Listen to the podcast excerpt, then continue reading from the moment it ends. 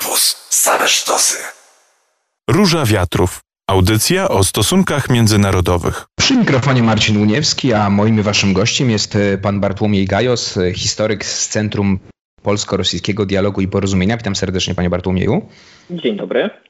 Przedwczoraj obchodziliśmy 104. rocznicę wybuchu rosyjskiej rewolucji lutowej, która bezpośrednio doprowadziła do upadku cara Mikołaja II i no, szerzej całego systemu samodzierżawia w Rosji.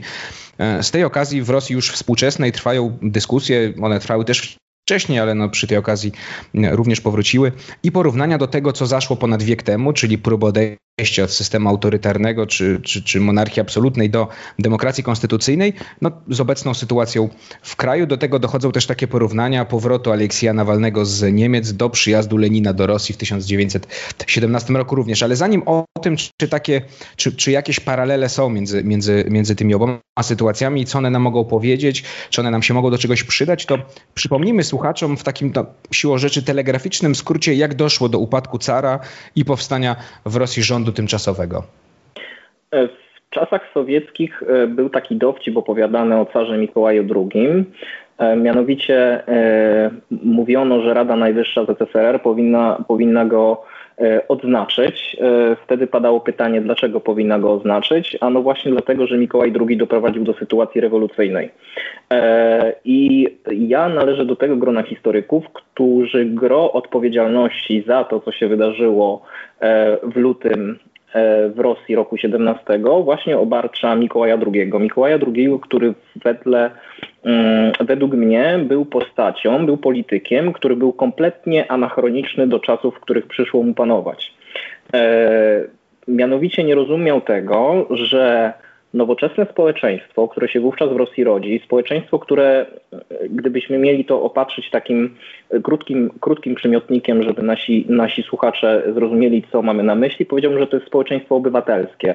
Społeczeństwo, które chce udziału, e, coraz więcej udziału w tym, co się dzieje w polityce, w polityce rosyjskiej.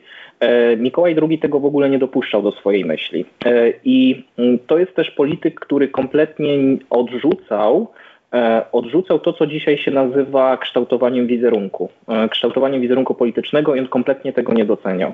I ja po, takie dwa obrazki, które e, bardzo silnie mm, zapisały się w pamięci ówczesnych Rosjan, ale też takie dwa obrazki, które według mnie są symbolami tego panowania Mikołaja II, to jest to, co wydarzyło się rok po jego E, wstąpieniu na tron, to znaczy w 1895 roku on spotkał się z elitami Imperium Rosyjskiego, które e, wówczas miały bardzo wysokie nadzieje rozpalone na jakieś zmiany po tym, co po okresie rządów Aleksandra III, który był właśnie kojarzony e, z takim zamordyzmem, e, biurokracją, brakiem jakichkolwiek reform liberalizujących ten system. E, I przyszli, te elity rosyjskie przyszły na to spotkanie z wielkimi nadziejami rozpalonymi, że możliwe, może będzie jakaś monarchia konstytucyjna, to znaczy będzie jakaś liberalizacja systemu. No, Mikołaj II już na początku swojego wystąpienia powiedział, że to są absolutnie bezmyślne marzenia i do niczego takiego nie dojdzie. To znaczy on będzie rządził tak, jak 300 lat wcześniej e, rządził e, pierwszy z dynastii Romanowów, Michał, e, Michał Romanow. Mm, to jest, to jest jeden obrazek, a dotyczący tego, w jaki sposób on ten system widział i że on go nie chciał reformować, pomimo tego, że społeczeństwo rosyjskie się zmienia i społeczeństwo rosyjskie chce wpływu na władzę. Druga, druga kwestia, drugi obrazek dotyczący tego wizerunku, to jest to, co się dzieje w 1896 roku na Placu Chodyńskim, na Polu Chodyńskim w Moskwie, kiedy to z racji koronacji cara właśnie w Moskwie zebrała się mm, zebrała się ludność chcąca to wszystko uczcić, miał być jarmark festyn, e, no tylko, że z racji fatalnej organizacji wówczas e, ten tłum, który się tam zebrał, zaczął się kotłować, ludzie zaczęli się tratować i w rezultacie zginęło około 1500 osób w trakcie tego, co się tam wówczas wydarzyło. No i proszę sobie teraz wyobrazić, że Mikołaj II zamiast przybrać szaty żałobne i e, uczcić pamięć tych, którzy zmarli, on tego samego dnia idzie na bal wystawiony przez e, ambasadora francuskiego.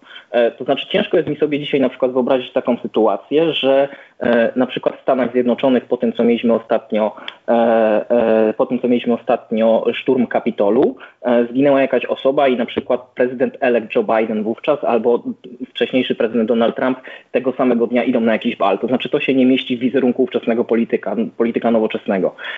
I ta rewolucja właśnie wynika z tego, że mamy te dwie siły, to znaczy mamy tę, tego Mikołaja II, który chce utrzymać to samodzierżawie i z drugiej strony mamy elity, e, elity ale też społeczeństwo, mm, e, społeczeństwo w takim szerszym rozumieniu, które chce w tym procesie politycznym partycypować. No i ten, e, ten ląd zostaje odpalony w lutym roku 17, kiedy po pierwsze Rosja jest wycieńczona wojną w takim sensie gospodarczym i logistycznym, bo to się trochę zaczyna od tego, że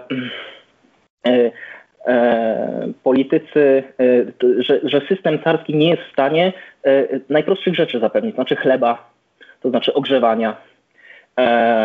I to zaczyna, i, i, coraz bardziej rośnie takie przeświadczenie, że ta wojna jest bezsensowna. Ta wojna jest po drugie źle prowadzona, bo carat też ponosi porażki na tym froncie E, na froncie zachodnim e, i e, dochodzi, dochodzi w, i, i, i, te, i te porażki na froncie zachodnim, co gorsza, idą na konto Mikołaja II, bo on od 1915 roku jest głównodowodzącym sił.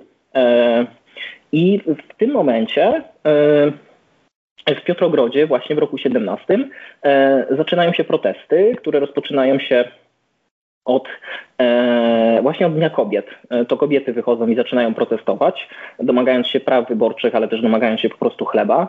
E, momentem przełomowym jest to, kiedy w końcu gar, gar, i, te, i, te, protesty się napędzają i momentem przełomowym jest to, kiedy żołnierze garnizonu Piotrogorskiego przechodzą na stronę, na stronę, mm, na stronę protestujących. E, jednocześnie są, e, są mm, naciski ze strony elit ówczesnych rządzących, E, elit, elit tych, które, które stanowiły część Dumy, która, który, takiego parlamentu, który wówczas który wówczas został już zawieszony, on już nie funkcjonował i one stosują te naciski na Mikołaja II, który decyduje się właśnie abdykować 15 marca 1917 roku. Znaczy w tym sensie ja bym powiedział, że to jest rewolucja odgórna, bo bo te wszystkie oficjalne decyzje i doprowadzenie do abdykacji cara Mikołaja to jest dzieło, e, to jest właśnie dzieło elit politycznych. E, natomiast e, ciężko byłoby mi sobie to wyobrazić, że mieliby oni takie, taką, taką siłę przebicia i takie, taką siłę argumentacji, że, że skłonili Mikołaja do abdykacji, gdyby, gdyby nie te protesty oddolne. Rząd tymczasowy, który powstał po, po, też oczywiście skracam, ale który powstał po obaleniu cara, no działał w niezwykle trudnych czasach. Toczyła się wojna, którą, tak jak pan powiedział, no Rosja de facto przegrywała na froncie. Na sile przybierał Lenin, jego stronnicy, panował do tego kryzys gospodarczy, wybuchały protesty, ale mimo tego no, pewne rzeczy udało się wprowadzić, pewne reformy rząd tymczasowy, liberałowie rosyjscy zainicjowali, nastąpiła pewna demokratyzacja. Pytanie do pana, co udało się zrobić, co udało się właśnie za, zainicjować? E, mniej więcej trzy minuty mamy na odpowiedź, więc prosiłbym, prosiłbym w tej części z, o, o zwartą mhm. odpowiedź, jeśli chodzi o ocenę rządu tymczasowego. E, to są powszechne prawa wyborcze, to znaczy kobiety mogły zacząć głosować i to, to był duży przełom, e, bo to jedne z pierwszych praw wyborczych dla kobiet w ogóle w Europie przyznane. E, i to jest niewątpliwy sukces, to jest swoboda prasy. E, i to były takie dwie najważniejsze rzeczy, które, które rząd tymczasowy e, wprowadził. Trzecią rzeczą, której niestety nie udało im się zorganizować i co było trochę, co kładzie się trochę cieniem na rząd tymczasowy, to jest organizacja wyborów.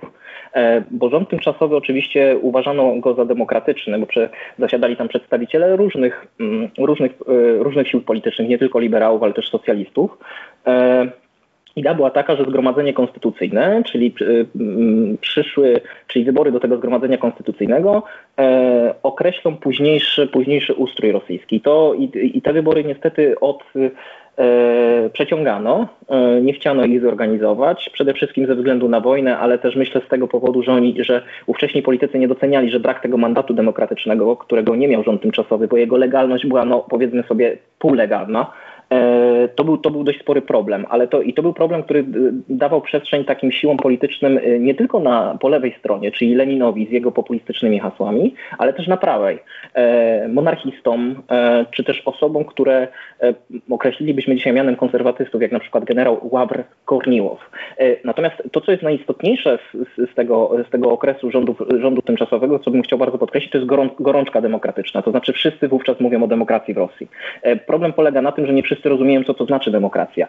E, wtedy w Rosji bardzo popularnymi publikacjami są takie słowniki polityczne, gdzie mamy pojęcia i w bardzo krótki sposób są wyjaśnione pojęcia takie na przykład jak konstytucja, demokracja i tak dalej. Jeden z dyplomatów brytyjskich miał zanotować taką, taką, taką, taki dialog z jednym z żołnierzy w Piotrogrodzie i pytając go o to, jak on wyobraża sobie przyszłość Rosji, no to ten żołnierz miał mu odpowiedzieć, że on, on by widział na czele Rosji prezydenta. E, na co ten dyplomata angielski go pyta o to, a kto miałby być tym prezydentem. On odpowiada, że car. E, no tu widzimy, że trochę y, niezrozumienie tego, to znaczy niezrozumienie do końca i nie, brak, brak tej edukacji i brak tych tradycji demokratycznych wychodził na wierzch, e, ale oni bardzo, Rosjanie starali się bardzo szybko te, te, te braki uzupełnić właśnie na przykład wydając te słowniki polityczne.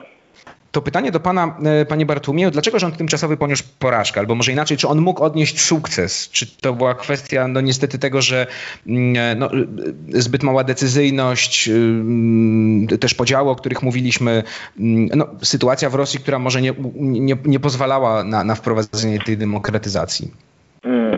Myślę, dzisiaj jak na to spoglądam e, i, i gdy staram się siebie wyobrazić, powiedzmy, e, w, w butach ówczesnych polityków, to myślę, że gdybym ja e, kierował Rosją w roku 17, co, co może wygląda na jakąś taką pychę z mojej strony, natomiast dążyłbym na pewno do szybszego zorganizowania wyborów do Zgromadzenia Konstytucyjnego. To znaczy ja jestem zwolennikiem tezy, że gdyby rząd tymczasowy szybciej zorganizował wybory, które odbyły się dopiero w styczniu roku 18, gdyby, gdyby, gdyby rząd tymczasowy do, zorganizował te wybory szybciej, y, mając mandat demokratyczny, to znaczy y, i to, te, mając ten mandat demokratyczny, to sprawiłoby, że przestrzeń dla y, populistów w postaci Lenina, czy też monarchistów z prawej strony, te siły polityczne straciłyby po prostu na swoim znaczeniu. To znaczy ta przestrzeń zostałaby y, zdecydowanie mniej, zdecydowanie mniej przestrzeni do prowadzenia swojej polityki.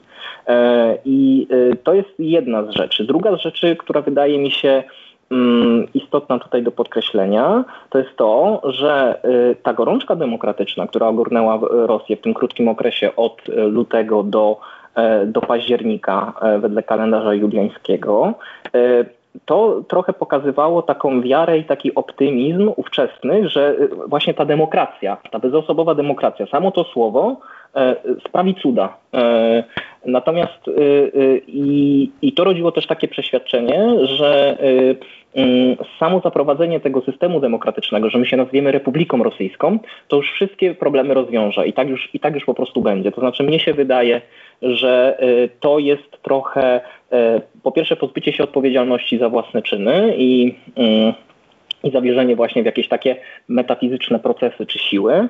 E, I to trochę zgubiło też ówczesnych polityków. To znaczy, wydaje mi się, że oni trochę starali się ofiarami własnego optymizmu. E, optymizmu, który był wówczas powszechny, pod, podkreślmy. To znaczy optymizmu, którzy podzielały w zasadzie wszystkie, większość sił, większość sił politycznych w ówczesnej Rosji, że właśnie ta demokracja rozwiąże wszystkie problemy, przed którymi Rosja stała i z którymi Rosja wchodziła w ten wiek XX. Wróćmy do dzisiejszych czasów e, w takim razie i zapytam pana, e, zanim o to, jak rosyjska inteligencja właśnie robi te paralele czy pewne porównania, próbuje robić, to zapytam pana, jak Kreml podchodzi do kolejnych rocznic rewolucji roku 1917. W e, stulecie, no obyło się bez fajerwerków, obchody skromne, nazwałbym je raczej muzealne. Mm, czy to jest kwestia tego, że Władimir Putin i jego otoczenie no nie chce w jakiś sposób upamiętniać czy czcić tych, którzy balili władzę, no jakby nie patrzeć?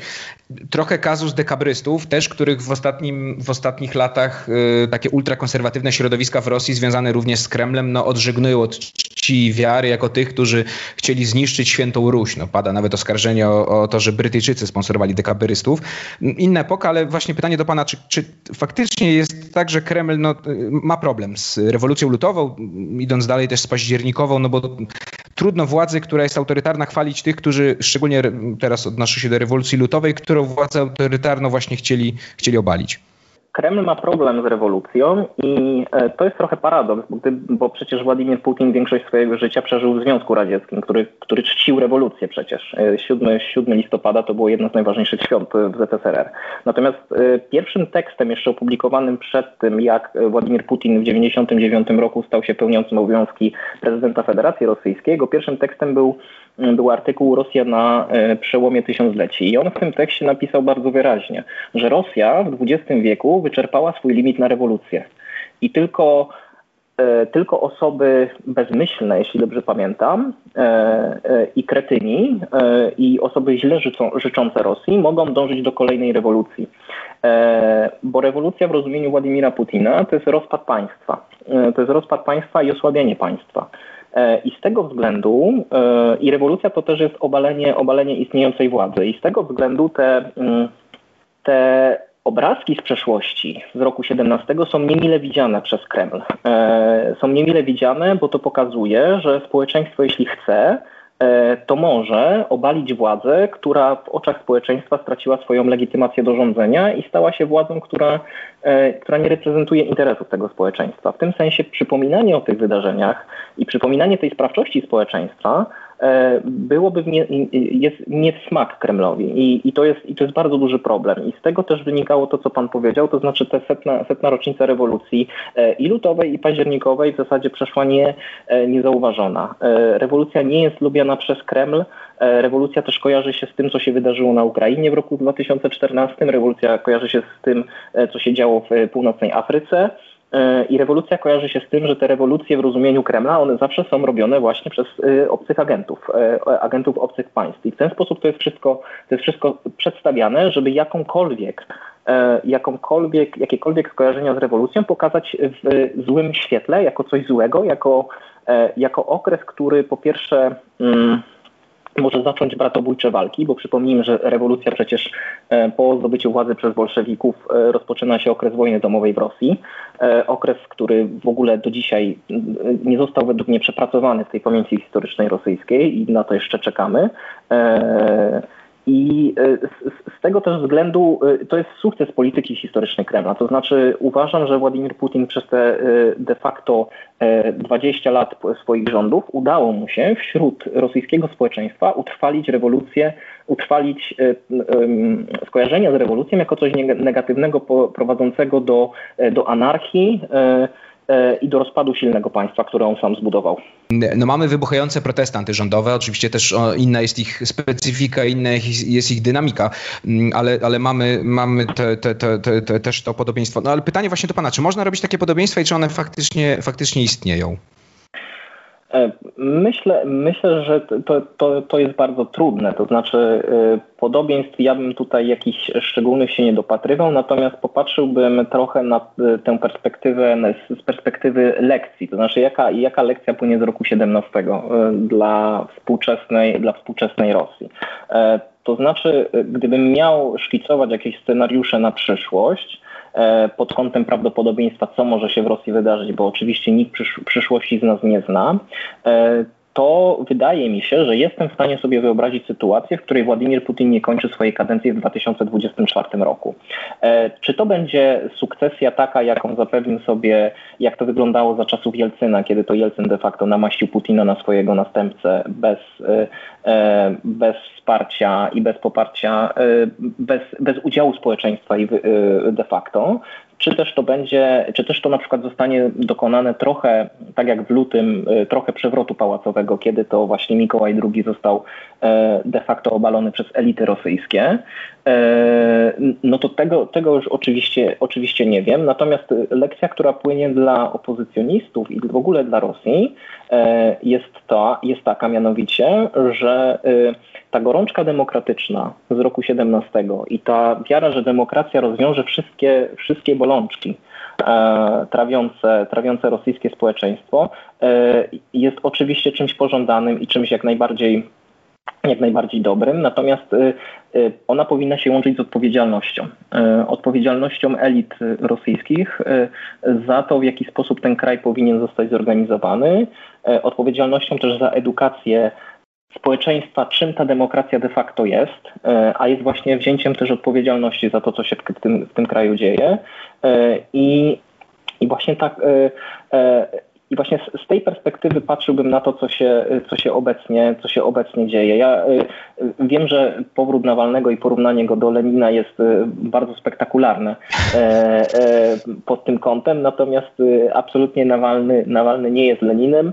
E, e, chociaż jedną paralelę tutaj bym dostrzegł, to znaczy Lenin oczywiście był oskarżany o agenturalność względem Niemiec, e, co jest, co, co, co oczywiście jest faktem w tym sensie, że on brał pieniądze od Niemiec, natomiast ja bym go akurat agentem niemieckim nie nazwał, bo on realizował swoją politykę, biorąc pieniądze od Niemiec i korzystając z pomocy przyjazdu do, do Piotrogrodu w roku 17. Tak podobnie dzisiaj Kreml przedstawia Nawalnego w różnych mediach. To znaczy to jest, to jest polityka który e, jest e, sterowany przez służby specjalne z, mm, z Zachodu i w tym sensie tutaj jest jedna taka podobizna. To jeszcze jedno podobieństwo, czy lekcję, o której dyskutują Rosjanie, jaką można wyciągnąć z lutego 1917 roku, chciałem pana zapytać. W tekście pod tytułem Lekcja sprzed stulecia, opublikowanym na łamach Rzeczpospolitej, dr Michał Patryk Sadłowski pisze, że rewolucja lutowa jest obecnie przyczynkiem do rozważań w samej Rosji, wśród jej elit intelektualnych. Nad tym, czy kraj może być demokracją, czy taka zmiana nie doprowadzi do chaosu podobnego mm, do tego w lutym 17 roku, czy w 1991 roku, no i utraty też mocarstwowej pozycji kraju. Czy w tym kontekście faktycznie rewolucja lutowa może nam coś powiedzieć, dać nam jakąś naukę, jeśli chodzi o, mm, o rosyjską o demokrację, o losy rosyjskiej demokracji? E, ja, ja myślę, oczywiście nie mam, nie mam do tego żadnych badań i to jest czysto subiektywne odczucie, ale ja myślę, że jest pewne, pewne takie roz, rozczarowanie, e, trochę takie poczucie, że reformowanie Rosji w stronę demokracji i sta, staranie się budowania Rosji demokratycznej jest trochę pójściem naprzeciw, na przekór doświadczeniu historycznemu. E, doświadczeniu historycznemu, natomiast ja nie jestem e, zwolennikiem tezy, a w zasadzie jestem nawet przeciwnikiem zagorzałym tezy, że Rosjanie są niezdolni e, jakby genetycznie, czy też pod kątem tej tradycji, którą są obarczeni do budowy państwa demokratycznego. E, bo e, e, to, że ta tradycja zawsze była, mniejszo, zawsze była w mniejszości, gdybyśmy spojrzeli tak z lotu ptaka na te, na, te dzieła, na te dzieje rosyjskie, to nie znaczy, że ona w pewnym momencie nie może stać się tą, tą, tradycją, tą tradycją dominującą i że Rosja nie może stać się, stać się państwem demokratycznym. Przecież takie, takie przejścia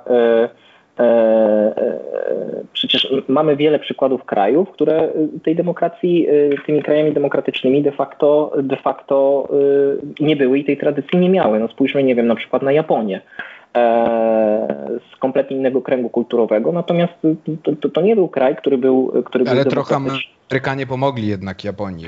To zgadza, ktoś... zgadza się. Zgadza się. Ktoś to pomóc. Znaczy, e, Rosji, Rosji już raz pomagaliśmy w latach 90. No tak. mówię, pomagaliśmy jako Zachód i to, to też nie jest zbyt no wspominane. E, tym niemniej wydaje mi się, że e, wydaje mi się, że to znaczy ja nie jestem zwolennikiem tezy, że Rosjanie nie są, nie są gotowi, nie są, nie są zdolni do tego, by zbudować państwo demokratyczne. Myślę, że są jak najbardziej zdolni, tylko to wymaga wzięcia odpowiedzialności i to wymaga e, długiej, długiej według mnie, e, ciągłej pracy, pracy u podstaw i tłumaczenia tego, czym ta demokracja jest i czym jest odpowiedzialność za, za politykę własnego państwa i za odpowiedzialność też za politykę na takim bardzo przyziemnym poziomie, na poziomie, na poziomie tej, tej, tej najbliższej tego najbliższego otoczenia. Czyli ja tu mam na myśli przede wszystkim coś w rodzaju samorządów. I tutaj stawiamy kropkę. Jeszcze tylko informacja dla słuchaczy. Gdybyście chcieli pana Bartumia posłuchać więcej, to e, i tu pana poproszę, żeby pan e, powiedział, ale jest cykl rozmów e, rozmów właśnie organizowanych przez pana Bartumia w ramach Centrum Rosyjsko, Polsko-Rosyjskiego Dialogu i Porozumienia. Panie Bartumie, dwa słowa zachęcenia dla słuchaczy. To jest bezpłatnie na YouTubie, więc jakby pan mógł zapowiedzieć. W Polihistorze, czyli programie na YouTubie Centrum Polsko-Rosyjskiego Dialogu i Porozumienia, zapraszam najlepszych e, historyków i historyczki, specjalistów od historii, e, od historii Rosji i Polski. Rozmawiamy o najnowszych badaniach i o pewnych mitach, które funkcjonują w przestrzeni publicznej, a które nie do końca odpowiadają e, faktom historycznym. Kolejny odcinek już w czwartek z dr Marią Domajską. Tematem będzie polityka historyczna Kremla, czyli dlaczego Kreml i w jaki sposób Kreml wykorzystuje historię do bieżących celów politycznych. Bartłomiej Gajos, historyk z Centrum Polsko-Rosyjskiego Dialogu i Porozumienia, był moim waszym gościem. Bardzo dziękuję panie Bartłomieju za rozmowę. Dziękuję panu i dziękuję państwu. To była Róża Wiatrów, ja się nazywam Marcin Uniewski, a my się słyszymy w środę za tydzień. Radio Campus. Same sztosy.